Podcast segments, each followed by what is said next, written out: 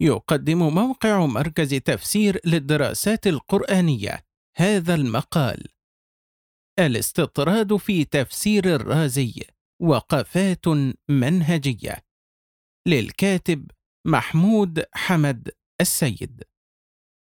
وتدور هذه المقالة حول اشتهر تفسير الرازي بكثرة استطراده في التفسير حتى قيل عنه فيه كل شيء إلا التفسير وهذه المقالة تقف مع هذه المقولة وتناقشها منهجيا وتثير بعض الإشكالات حول تناول من تعرضوا لها سواء مقرين لها أو متحفظين عليها. الاستطراد في تفسير الرازي وقفات منهجية. لا شك أن النظر في المفاهيم المعبرة عن المصطلحات العلمية يعد من أهم المشاغل البحثية وذلك لما للمفاهيم وضبط تصورها وما يتعلق بها من أهمية بالغة في ضبط الحركة العلمية لأي علم من العلوم. بل لا يكون العلم علما على الحقيقة حتى يكون له مفهوم واضح وحدود بينة تميزه عن غيره. وترسم خريطة التأليف فيه تبعا لها. والناظر في كتب التفسير يلحظ اختلافا بينا في مادتها وفي الحدود التي يتبعها كل مفسر ويوقف مداده عندها فلا يتخطاها.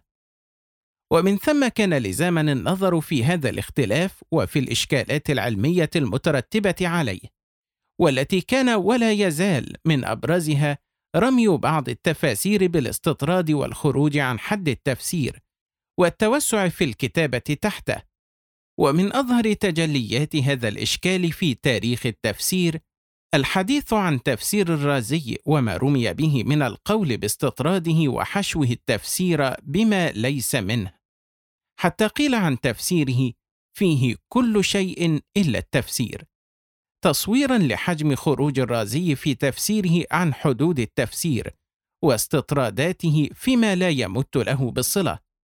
وهذه المقولة لا يعرف لها على وجه التحديد قائل نسبها بعضهم إلى ابن تيمية وآخرون إلى أبي حيان. وعزاها أبو حيان نفسه لعالم لم يسمه. من الهامش قال أبو حيان وهكذا جرت عادتنا أن كل قاعدة في علم من العلوم يرجع في تقريرها إلى ذلك العلم ونأخذها في علم التفسير مسلمة من ذلك العلم. ولا نطول بذكر ذلك في علم التفسير فنخرج عن طريقة التفسير كما فعله أبو عبد الله محمد بن عمر الرازي المعروف بابن خطيب الري. فإنه جمع في كتابه في التفسير أشياء كثيرة طويلة لا حاجة بها في علم التفسير، ولذلك حكي عن بعض المتطرفين من العلماء أنه قال: فيه كل شيء إلا التفسير. وقد حكاها أبو حيان عن غيره كما هو ظاهر، وليست له كما توهم بعض من نسبها إليه، ولكنه مقر بصحتها، ما وجه إلى تفسير الرازي من نقد في هذه الجزئية كما هو ظاهر من كلامه. عودة إلى المقال. ولكن ليس ثم دليل قاطع إلى يومنا هذا في نسبة هذه المقولة إلى قائل. ومع هذا فقد استحضرت كثيرا عند الحديث عن تفسير الرازي رحمه الله والترجمة له.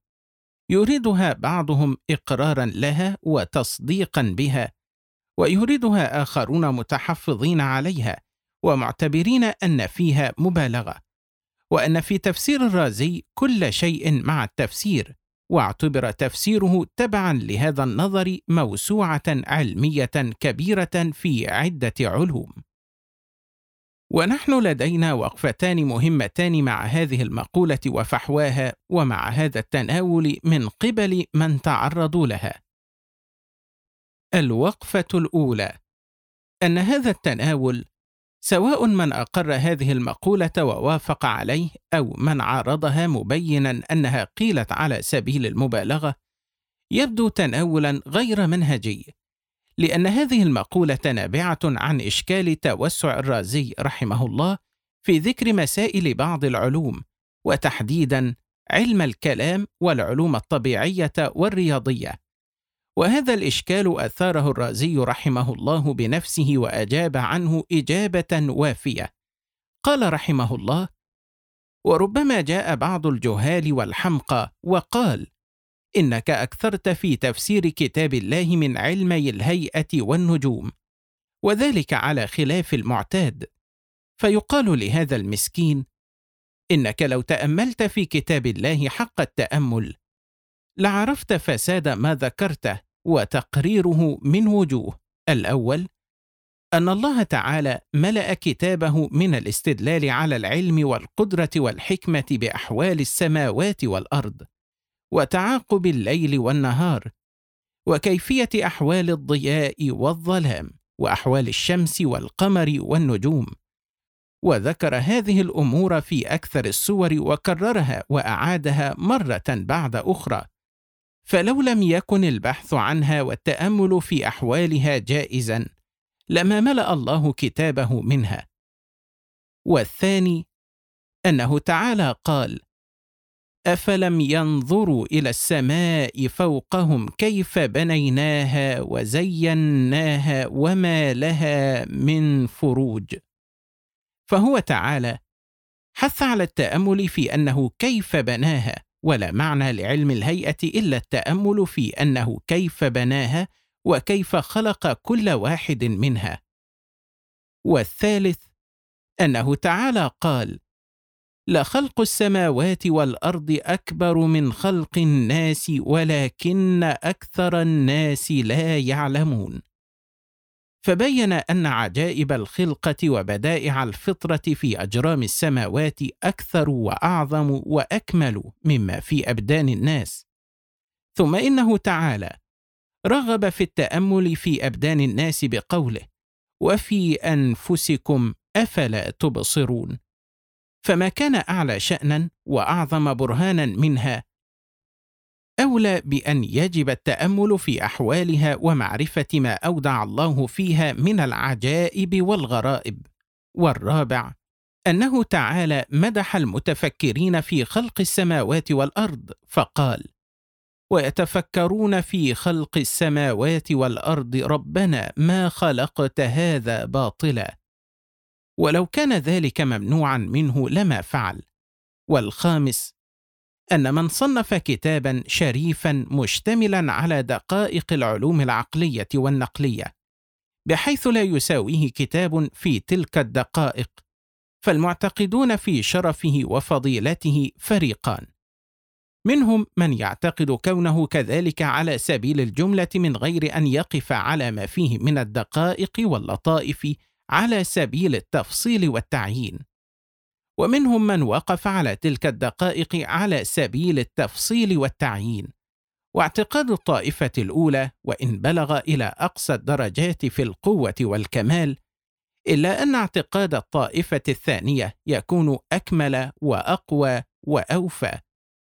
وأيضا فكل من كان وقوفه على دقائق ذلك الكتاب ولطائفه أكثر كان اعتقاده في عظمة ذلك المصنف وجلالته أكمل. وهذا النص يدل على أن الإشكال على تفسير الرازي يرجع إلى عصره مما يقوي أن هذه المقولة ربما قيلت في حياته. من الهامش معلوم أن هناك اختلافا في تفسير الرازي هل أتمه أم لا؟ وما هو القدر الذي فسره الرازي منه تحديدا؟ ولكن ليس في هذا قول قاطع والبحث فيه متجدد. ولكن جدير بالذكر أن الرازي رحمه الله ذكر هذا النص في تفسير سورة الأعراف وهي من السور المتقدمة التي يظن أنها من القدر الذي فسره الرازي بنفسه وليس مما فسره بعض تلامذته من بعده. وعلى كل فطريقة الرازي في تفسيره من أوله إلى آخره تعطي معنى ما جاء في هذا النص. ومثل الرازي إنما ينبغي أن يكون صنيعه أصلا في تبين مقاصده. عودة إلى المقال. كما قد يفيد أن التفسير عند الرازي رحمه الله يشمل بيان المعاني وما يترتب عليها من وجوه الاستنباطات والهدايات وبيان وجوه إعجاز القرآن. وغير هذا مما يدل عليه كلامه. وهو قد استوعب بقدر طاقته. بيان هذا كله في تفسيره. لكن المقصد الأهم عندنا هنا هو أن نقاش الأمر بعيدا عما قال الرازي يبدو مسلكا غير علمي وترتب عليه حتى في كلام من عارض فحوى هذه المقولة حط من تفسير الرازي وحيدة عن وجهة النقاش التي أراد الرازي أن يتجه إليها. لأن كلام من قال إنها على سبيل المبالغة وإن في تفسيره التفسير وكل شيء ونحو هذا من العبارات. إنما يعني أن ما ذكره الرازي من مسائل بعض العلوم ليست من التفسير وأنها فيه من الاستطراد. غير أن هذا الفريق لا ينكر وجود التفسير معها فكأن الشق المعترض عليه عندهم في هذه المقولة هو نفي حضور التفسير في تفسير الرازي. أما أن فيه أشياء كثيرة أخرى خارجة عن حد التفسير فمحل اتفاق بينهم. والرازي لم يرد هذا بل اعتبر أن ما يذكره من علمي الهيئة والنجوم من التفسير كما يظهر من قوله. ولكن التناول العلمي يقتضي أن تبرز مقولته وأن تصدر حججه. التي أبداها تدعيما لها. ثم ينسب له ما أراده ثم يخالفه من شاء ويوافقه من شاء. وساعتها من أراد أن يخالفه فعليه أن يتصدى لنقاش الرازي في مذهبه ومفهومه في التفسير ويبين غلطه فيه. أما أن يكون لصاحب الإشكال نص فنحيد عنه ونحاول أن نلتمس له منه مخرجا لو عرض عليه لأباه فهذا ما لا نوافق عليه. وأيضا فنحن حين نبرز الإشكال على ما بينا مستحضرين كلام الرازي السابق فيه وإجابته عنه فإننا بهذا نجعل النقاش في هذه المسألة نقاشا منهجيا. يتخطى كونها مجرد مقولة لا يعلم لها قائل. قيلت على سبيل المبالغة إلى إشكال حقيقي وقائم ومعترف به من قبل الرازي نفسه وهو إشكال ظاهر في تفسيره. ويستطيع كل قارئ أن يتلمحه فيه وأن يثيره على هذا التفسير حتى ولو لم تقل هذه المقولة لكننا حين نكتفي بنقل مقولة لا يعلم لها قائل. ونحملها على أنها مبالغة فإننا نقزم من حجم إشكال قائم فعليا وله تداعيات عدة على تفسير الرازي. من أخطرها أنه يحط من قيمته في التفسير ومكانته بين مدوناته. لأننا إذا وافقنا ابتداء على خروج هذه المسائل التي يذكرها عن حد التفسير فإنها تصير من الحشو الذي لا فائدة منه في باب التفسير. وكلما كانت مساحة هذا الحشو كبيرة وهو كذلك كلما حط هذا من قيمة التفسير بل يصير في عده من كتب التفسير نظر. ولهذا فإن بعضهم حين يأتي للترجمة لتفسير الرازي يعتبره موسوعة علمية ضخمة في علوم شتى. وهذا وإن قيل على سبيل المدح أحيانا فإنه يحمل في طياته ذما لمن تأمله. لأن كل كتاب إنما ينبغي أن يكون مخلصا في بابه وغايته فإن خرج كثيرا عن حد العلم المؤلف فيه ذم ولم يمدح. من الهامش قال أبو حيان وكان أستاذنا العلامة أبو جعفر أحمد بن إبراهيم بن الزبير الثقفي قدس الله تربته يقول ما معناه متى رأيت الرجل ينتقل من فن إلى فن في البحث أو التصنيف؟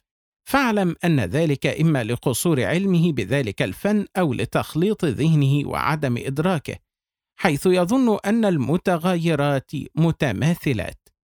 وقد أورد أبو حيان هذا الكلام بعد ذكره لتفسير الرازي وانتقاده له وانتقاده للاستطراد الواقع في التفسير عموما. عودة إلى المقال. وأما الذين يريدون هذه المقولة إقرارا بها فاننا لم نقف على من أتى منهم بكلام الرازي وفنده وبين غلطه فيما ذهب إليه فتوضع الأمور حينئذ موضعها المناسب. ويحمى التباحث حول الأمر على نحو علمي يبرز الرأي والرأي المقابل له. لكن الغريب أن وجدنا الكل تقريبا يذكر خروج الرازي عن التفسير ولا أحد يورد كلامه ويجيب عما قاله ويبطل الأوجه التي ذكرها تدعيما لموقفه. الوقفة الثانية اختلاف مادة كتب التفسير على نحو ملحوظ لا يجهله ذو عناية بها. وبسبب هذا الاختلاف اضطر المؤلفون في مناهج المفسرين وعلوم القرآن أن يصفوا بعض التفاسير بأنها فقهية وأخرى بأنها لغوية وأخرى بأنها علمية إلى آخره. وقالوا إن كل مفسر استطرد فيما غلب عليه من تخصصه العلمي. يقول السيوطي رحمه الله ثم صنف بعد ذلك قوم برعوا في علوم فكان كل منهم يقتصر في تفسيره على الفن الذي يغلب عليه.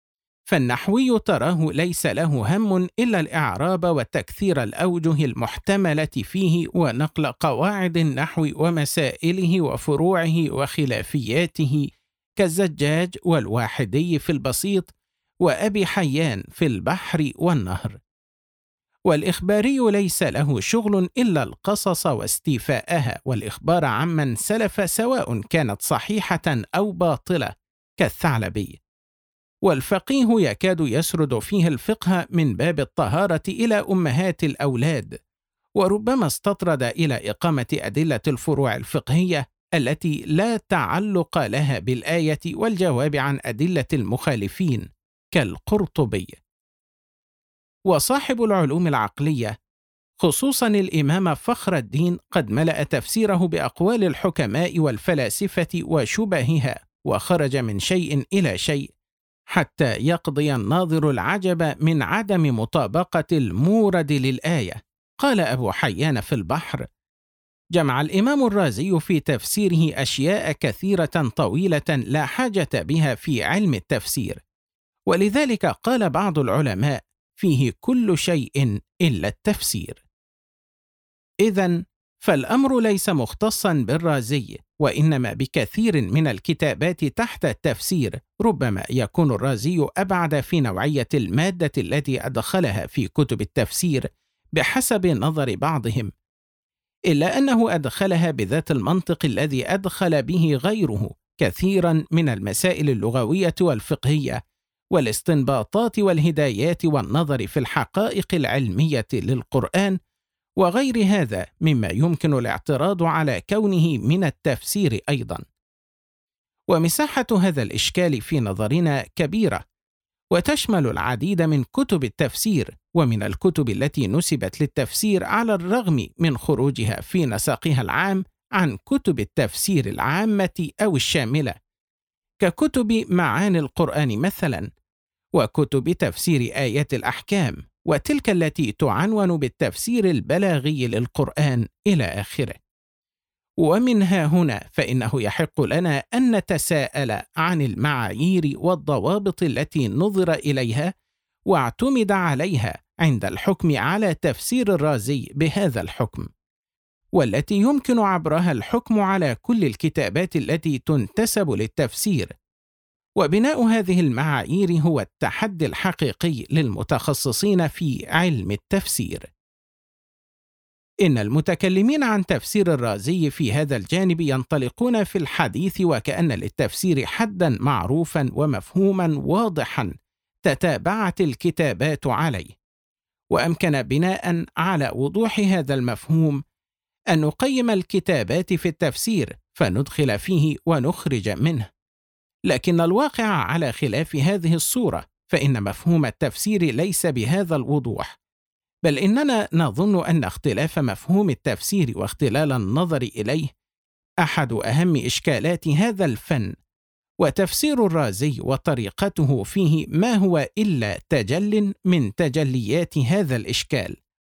كما أننا نظن أن هذا الاختلاف بين كتب التفسير في مادة التفسير وفي صياغته وعرضه هو ما دفع بعضهم لنفي علمية التفسير لأنهم رأوا أن التفسير شرح للنص.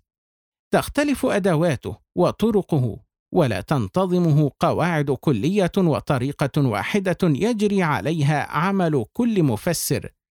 ونحن وإن كنا لا نوافق على هذا إلا أننا نؤكد على حضور الإشكال وحاجته إلى حلول علمية تمكن من تجاوزه ليستقيم البحث في مثل هذه الجوانب المهمة من العلم. وإن لم نفعل فسيظل الدفع في كتابات تحت مصطلح التفسير نستشعر خروجها عن حده لكننا لا نستطيع ردها بشكل علمي. لأن منطق الاستطراد واحد فاللغوي يجعل للغة ومسائلها النصيب الأوفر من كتابته في التفسير. ومثله الفقيه والمحدث والمعتني بأعجاز القرآن. وهذا من وجه أمر طبيعي. فكل العلوم الإسلامية مبنية على نصوص القرآن والسنة ولكنه من وجه آخر غير مقبول إذا نظرنا إلى علم التفسير باعتباره علما مستقلا له حيثيته المميزة له عن بقية العلوم. ومن رام الكتابه فيه فعليه أن يميز حيثيته ويلتزم حده أو يكتب تحت راية علم آخر. ونحن بحاجة إلى كتابات موجهة نحو هذا الأمر حتى نستطيع بطريقة علمية وموضوعية تقييد الكتابة تحت مصطلح التفسير بحسب مفهومه الخاص وحيثيته المتميزة. استمعتم إلى مقال الاستطراد في تفسير الرازي وقفات منهجية للكاتب محمود حمد السيد.